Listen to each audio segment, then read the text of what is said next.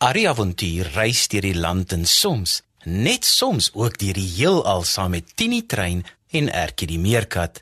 Hy's bang vir niks en saam met sy maats verskaf hulle vermaak aan groot en klein. Klim op maats, die storietrein gaan vertrek. Tini is 'n stoomtrein op sy eysterspoor.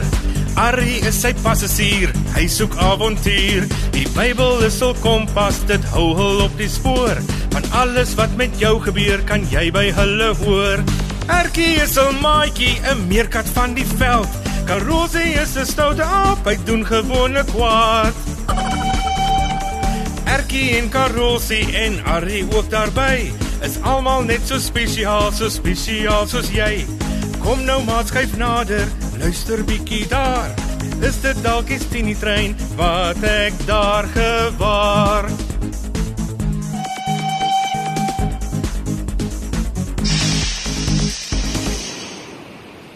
Ooh, die seelig ruik so lekker. Ek kyk al die trappe op na daardie kerk toe. En die palmbome. Ou, en kyk hoe ver kan mens die strand af sien. Sjoe, maar jy het baie energie vanoggend. Ja, Joppe is nog 'n mooi ou hawe dorpie. Maar dit het ook al baie bekleier en moeilikheid beleef. Almal wil beheer hê oor die hawe al van 800 jaar voor Jesus op aarde was. Hoekom dan, Harry? Ja. Jy sien mos hoe ver jy kan sien teen die strand af. Ja. Die heuwel bo die kuslyn gee mens nog 'n beter uitkyk oor die kus. 'n Hawe word gebruik om baie verskillende dinge per skip na 'n land toe te bring. Maar dis ook 'n plek waar soldate met skepe kan inkom om 'n land aan te val. Nou die heuwel bo die kuslyn was dis 'n gewilde plek om soldate te laat bly. Om te kyk en ander soldate in hierdie stad vir hulle self kom oorneem nie. Net so.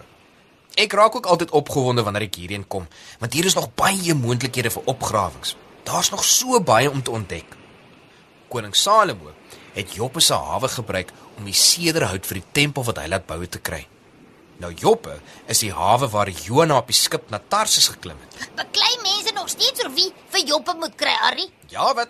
Daar's maar nog steeds ontevredenheid tussen die Arabiere en die Israeliete van vandag. En daar is ook ander probleme met dwelms en misdaad en geweld oor die algemeen. Ag, dis hartseer, Harry. Ja, dis regtig. Hm, dit is ja. Vandag se mense kan steeds iets belangriks leer by die boodskap wat God destyds aan Petrus gegee het toe hy in Joppe was. En wat was dit, Harry? Saulus het mos vir 'n rukkie by Petrus in Jerusalem gebly. Nou nadat hy uit Jerusalem weg is, het Petrus 'n ruk in Joppe gaan bly. Hier langs die see in die huis van Simon die leerlooier. Sjoekas, maar daar was daar baie mense wie se naam Simon was in daai tyd, né? Ja, nogal, nee. Nou maar maar maar, maar, maar, maar wat is 'n leerlooier? Ah, 'n leerlooier. Dit is iemand wat die velle van diere skoonmaak en sag maak en droog maak sodat mense dit kan gebruik om skoene en klere, meubels en allerlei ander dinge van leer te maak. 'n Mens noem hierdie velle leer. Oh, groot verdriet. Ek en Karosie moet wegbly van leerlooier mense af. Ja. Ja, miskien is dit nog 'n goeie idee, nê? In die tyd wat Petrus in Joppe was, was Joppe onder beheer van die Romeine. Nou naby Joppe was Caesarea. In Caesarea was daar 'n Romeinse offisier wat in God geglo het. Hy het 'n boodskap van God gekry dat hy vir Petrus moet laat haal omdat Petrus iets belangriks vir hom moes sê. Ehm, um, hoekom het God dit nie self vir die offisier gesê nie as hy dan daardie boodskap vir hom kon gee nie? Ag, luister Karosie, jy se nou nou agterkom. Terwyl die offisier se soldate op pad was om Petrus in Joppe te gaan haal, was Petrus op Simon se dak besig om te bid. Toe het Petrus 'n soort droom gehad waarin hy 'n groot laken uit die hemel uit na hom te sien afsak het. Het hy gedroom dat die laken oor hom geval het en hom toegemaak het? Uh nee, nee nie eintlik nie. Die laken was vol allerlei diere.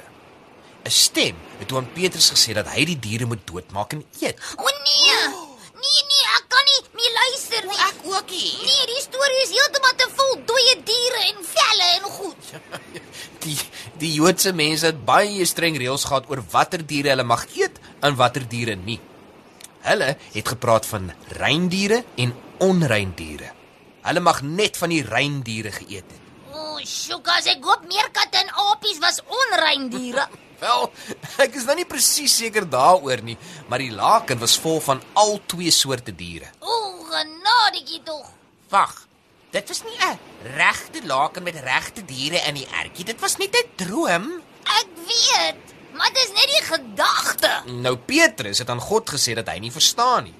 Hy het gedink dit was dalk 'n toets en het gesê dat hy nog altyd die wette oor rein en onrein diere gevolg het. Was dit 'n toets, Harry? Wel, dit was meer 'n les of 'n boodskap as 'n toets. God het weer geantwoord dat Petrus nie dit wat God gereinig het onrein moet noem nie. Petrus het na die tyd seker gewonder wat dit kon beteken. Net toe kom die manne wat deur die offisier gestuur is by die hek aan en vra hom om te sien. Ooh, as daar skielik soldate by my hek opdaag, sal ek bang wees ek is in die moeilikheid oor iets. O ja. Hmm, miskien sou hy. Maar die Heilige Gees het terselfdertyd met Petrus gepraat en hom laat verstaan dat God self die manne laat kom het en dat hy saam met hulle moes gaan sonder om bang te wees. Die offisier se naam was Cornelius en hy het al sy familie en vriende bymekaar gekry vir Petrus se koms. Maar God het nog nie vir Petrus gesê wat hy vir hulle moes gaan sê nie. Hy het dit was die boodskap van die laken met al die verskillende soorte diere. Nou, ek verstaan nie. Hmm, Goed. Petrus het ook nie eers verstaan nie. Maar toe hy voor die nie-Joodse gelowige en al sy nie-Joodse familie en vriende binne in hulle huis staan, het dit aan hom duidelik geword.